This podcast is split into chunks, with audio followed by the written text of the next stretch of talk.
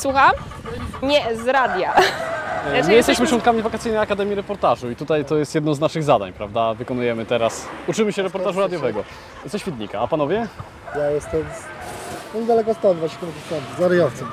A czy słyszeli panowie o Wakacyjnej Akademii Reportażu? A co dzisiaj praca będzie tutaj? To znaczy, tutaj już od dwóch tygodni są warsztaty. Aha. W tej szkole? E, Tak, tak, w szkole. I w Centrum Kultury. studujecie w Lublinie, tak? Tak. Są studenci i z Krakowa, z Lublina, z Szczecina, Ze Szczecina. też. Jesteśmy z różnych stron Polski i uczymy się reportażu. I później będziecie w radiu pracować, tak? No chcielibyśmy, a zobaczymy jak wyjdzie. Dobrze, dziękujemy. A teraz witam oficjalnie najwybitniejszego polskiego reportażystę. Przeciwieństwie do pana Franciszka Piątkowskiego, który mnie przekonywał, że reportaż w tej chwili przeżywa wielki renesans, mój pesymizm wskazuje na to, że nikt nie chce od nas prawdziwych dramatów. Nadszedł czas kurczenia się wzruszeń i uczuć. Nikt nie ma czasu zająć się cudzym losem dłużej niż trzy minuty. Przeczytałem jakiś paskudny artykuł na temat Ryszarda Kapuścińskiego, chociaż ze znakiem zapytania. A był u mnie wtedy Marek Kusiba, bo, bo on przebywał w Polsce na zaproszenie wydawców po śmierci Ryszarda. Ja usłyszałem go w radiu. Ściągnąłem go do siebie do Lublina, razem pracowaliśmy kiedyś.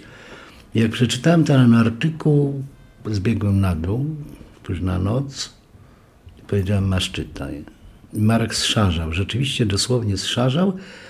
On emigrant polityczny, prawda, na wskroś polityczny. Powiedział, Franciszku, pora umierać, w ranku pora umierać. Ja mówię, no nie, pora coś zrobić. I wtedy go spytałem, co wiesz o Kartagenie? On powiedział pewnie tyle samo, co ty. Ja wtedy powiedziałem, to ja robię na Lubelszczyźnie Kartagenę. Tak to się zaczęło.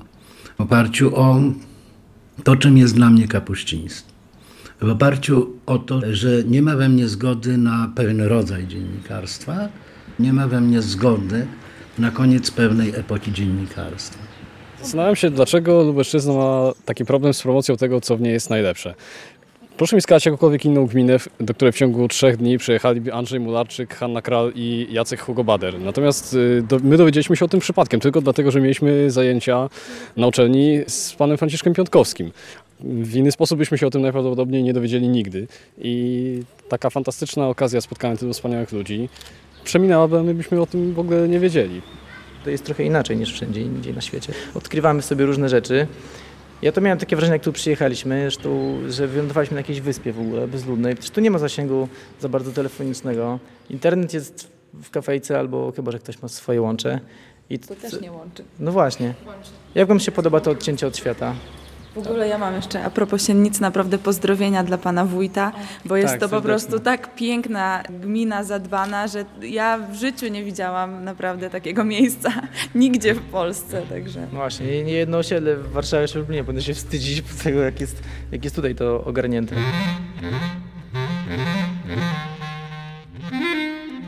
Ja przyjechałem z Toronto, gdzie siedzę od lat 26.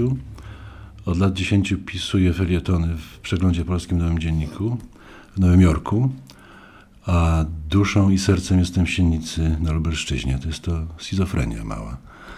Ale na dźwięk dzwonka telefonu od Franka, żebym oddzwonił, bo z Kanady taniej, odzwaniam tak do niego od trzech lat, a nawet dłużej, bo jak się ten pomysł pojawił, to ja sobie wyjechałem spokojnie do Kanady, zostawiłem samego Franka, a on przez dwa lata bił głową w ścianę, aż wybił tę dziurę pod tytułem Sienica Różana i to jest, ta dziura zapełniła się wspaniałymi rzeczami.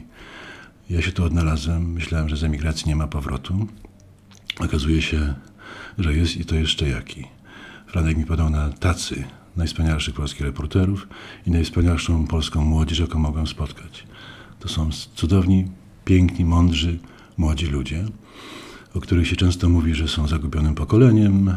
Każde nasze pokolenie jest zagubione, ale to są ludzie, którzy się odnajdują w słowie, w reportażu, na tych zajęciach od rana do wieczora praktycznie e, nie wykazują zmęczenia. Niektórzy po prostu wiedzą, że tak jak mówił Ryszard Kapuściński, żeby być w tym zawodzie trzeba tyrać jak wół 18 godzin na dobę. I niektórzy z nich tak tyrają i będą z nich wspaniali ludzie, wspaniali, naprawdę mądrzy, głęboko myślący, młodzi piszący reporterzy, dziennikarze, radiowcy. Droga pełna wyborów, ciężka.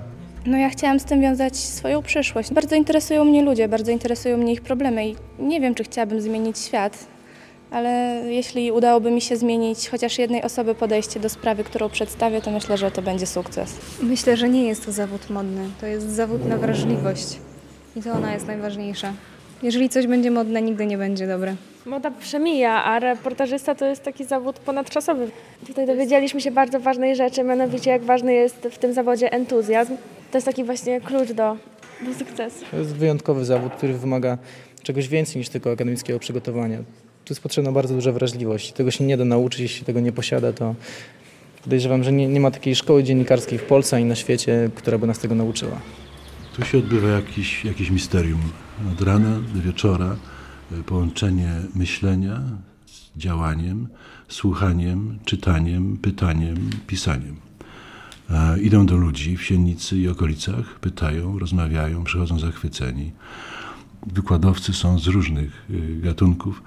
Są to ludzie ukrający reportaż radiowy, telewizyjny, dokument telewizyjny i przede wszystkim reportaż pisany.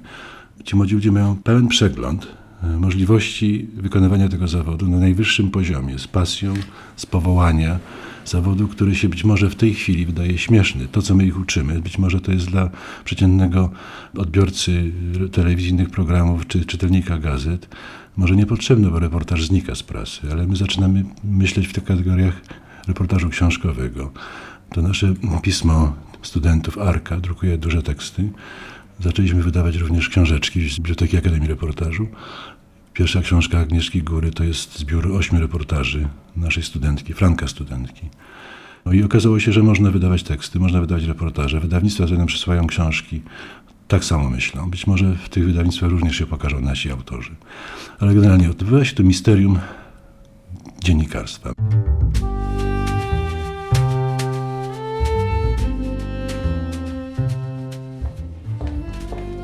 Ja muszę wziąć teksty. Na stołówkę, na stołówkę. Tam będziemy. Ojejku, boję się. tak. Taki Franek ostry? Znaczy nie, bardzo sympatyczny. Proszę, proszę. Usiądziemy. Zalej tej wady? Proszę. Jesteś bardzo konkretna, tak jak to powinno być w reportażu. Czyli nie ma drzew, tylko są dęby, świerki, sosny, osiki, olchy, olszyny. Królują sosny, jak kościół wysokie, potężne i wzniosłe. Świetne zdanie, świetne porównanie. Gdzieś tam pomiędzy poniewierają się dzikie. No nie. Nie poniewierają się. No pewnie, że nie. Pewnie, że nie. I teraz słuchaj, tu może gdzieś można powiedzieć, i to bez przesady, że babcia Helenka wrosła w las. Ładnie. To jest początek. A tu, o, oczywiście, i tu masz ciąg dalszy. To jest logika tekstu.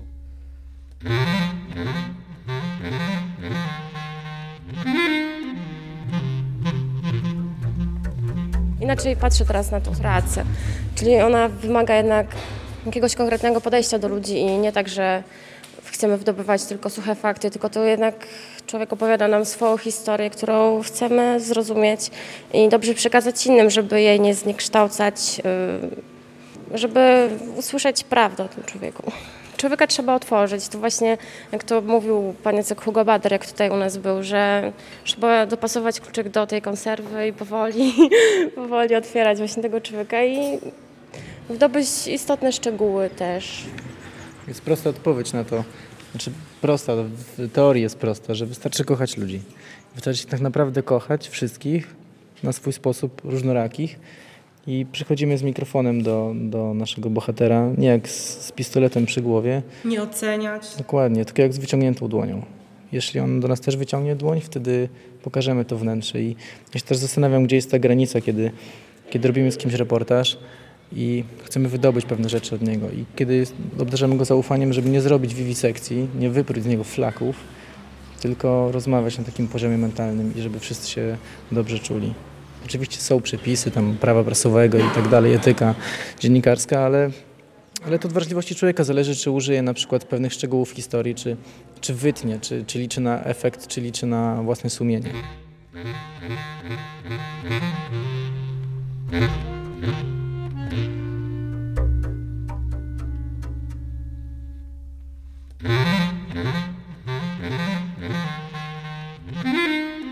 Drzwiami i oknami próbują się dostać studenci. Studenci, którzy czekają na rozmowę o swoich tekstach.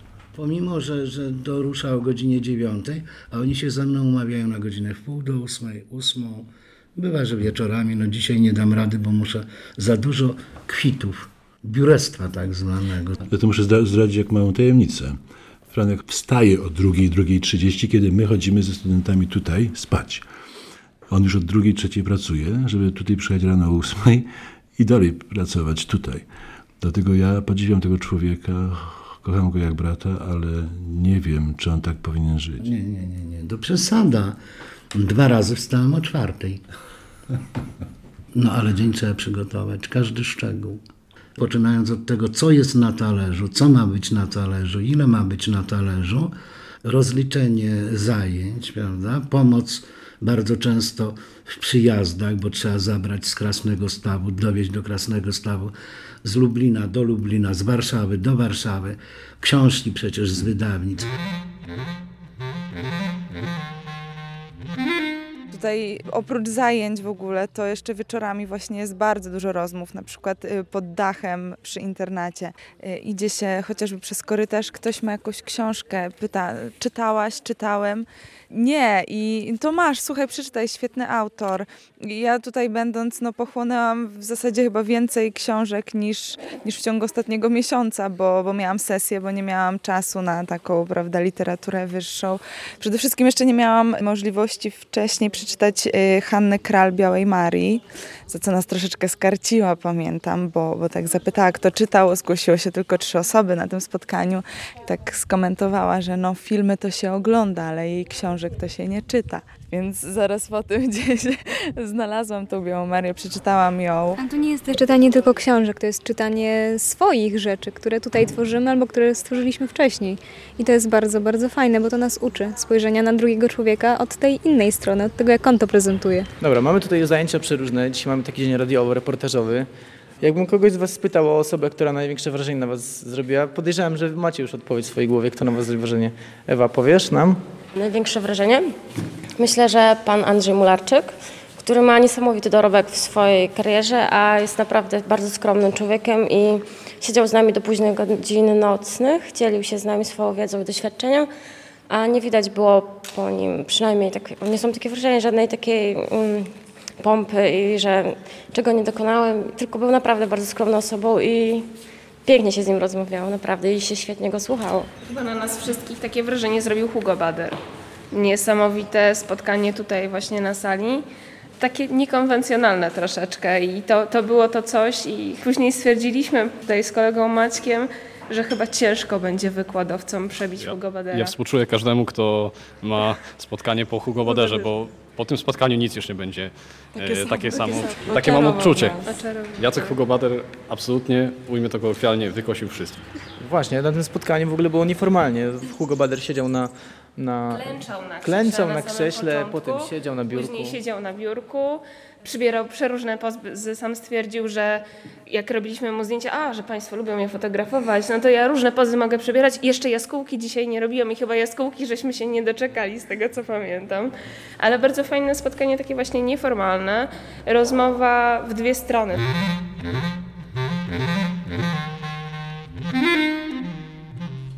Franku, jak dzwonisz do gwiazd takiego formatu jak Hanna Kral czy Hugo Bader, jaki jest Twój argument? Jak Ty przekonujesz ich, żeby przyjechali do Siennicy, o której pewnie wcześniej nie słyszeli?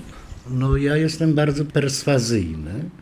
Po pierwsze. Po drugie, Ja mam trochę argumentów. Po pierwsze, y, mogę wtedy użyć argumentu na przykład, że to ja mm, byłem w kontrastach, czyli, czyli jedynym piśmie od Władywostoku do Londynu, które zajmowało się reportażem i literaturą faktu, e, które powszechnie było uznawane za ogólnopolskie pismo czy ogólnopolski miesięcznik reportażystów i autorów literatury faktu. To mi pomaga, ale bywają też wątki bardzo takie osobiste, biograficzne. Na przykład, kiedy przedzwoniłem do pana Andrzeja Mularczyka, nie, ja wie pan, nie, ja, ja jestem schorowany, ja źle się czuję, ja mam zniszczone gardło. No przynajmniej pan spytał, gdzie to jest, ta siennica, a gdzie to jest? Ja wtedy wiedziałem, że tu mam pierwszą, pierwsze trafienie. No mówię między Lublinem a Chrubieszowem, bo przecież wiedziałem, że ojciec pana Andrzeja był dowódcą pułku ułanów chrubieszowskich. No ale nie, nie, nie. Mimo to przyjęte to zostało z zainteresowaniem, ale nie przyjadę. I wtedy przypomniałem panu Andrzejowi, ja wiedziałem o tym, że to jest jego ulubiona bohaterka, że to ja nadałem mu temat Dni Radości i Pieczali Katarzyny Januszkowej. Przepiękny reportaż. Tu już było łatwiej, no ale dalej był argument choroby. I tutaj no, no musiałem ze wstydem mówić o pewnych rzeczach. No ale pan Andrzej publicznie powiedział, kiedy rozpoczynał zajęcia tutaj, że on jest schorowany, że gardło. To ja wtedy powiedziałem, ja jestem znachor. I rzeczywiście zacząłem słać tajemne mikstury, no, które podobno pomogły. A potem po skończonych zajęciach był telefon, przepiękny telefon od pana Andrzeja Mularczyka. Jakie to fantastyczne przedsięwzięcie, jakie wspaniałe, jaka znakomita jest ta młodzież, jakie to jest magiczne miejsce ta siennica i na koniec na hasło siennica, panie Franciszku, wstaję i jestem.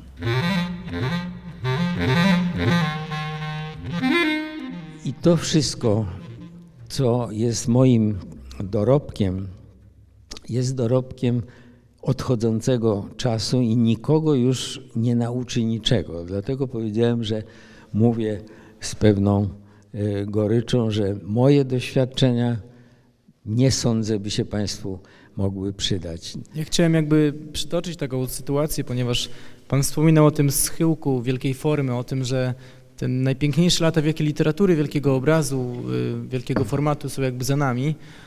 Ja tak nie do końca się z tym zgadzam, ponieważ uważam, że na przykład zeszłoroczna nagroda Nika dla Tadeusza Słobodziaka za naszą klasę, za dramat, to jest dramaturga od kilkunastu lat nieobecnego na salonach gdzieś tam, jest takim sygnałem, że jednak ludzie potrzebują wzruszeń. Myślę, że wszyscy potrzebujemy wzruszeń, nie tylko na tej sali, tylko nie każdy jest w stanie się do tego przyznać, a faktyczny natłok tej komercjalizacji, tego, tej okropnej wizji rzeczywistości, która jest jedną wielką reklamą i jinglem, no jest przerażający, ale czy nie nasza w tym rola, żeby, żeby być takimi powstańcami na, na, polu, na polu tej komercji? Całe szczęście, że Państwo są właśnie tymi, którzy mają prawo odrzucać takie smędziarstwo, jakie ja tu snuję. Starajcie się zawsze pisać tak, żeby nikt nie mógł powiedzieć, że to można było zrobić lepiej.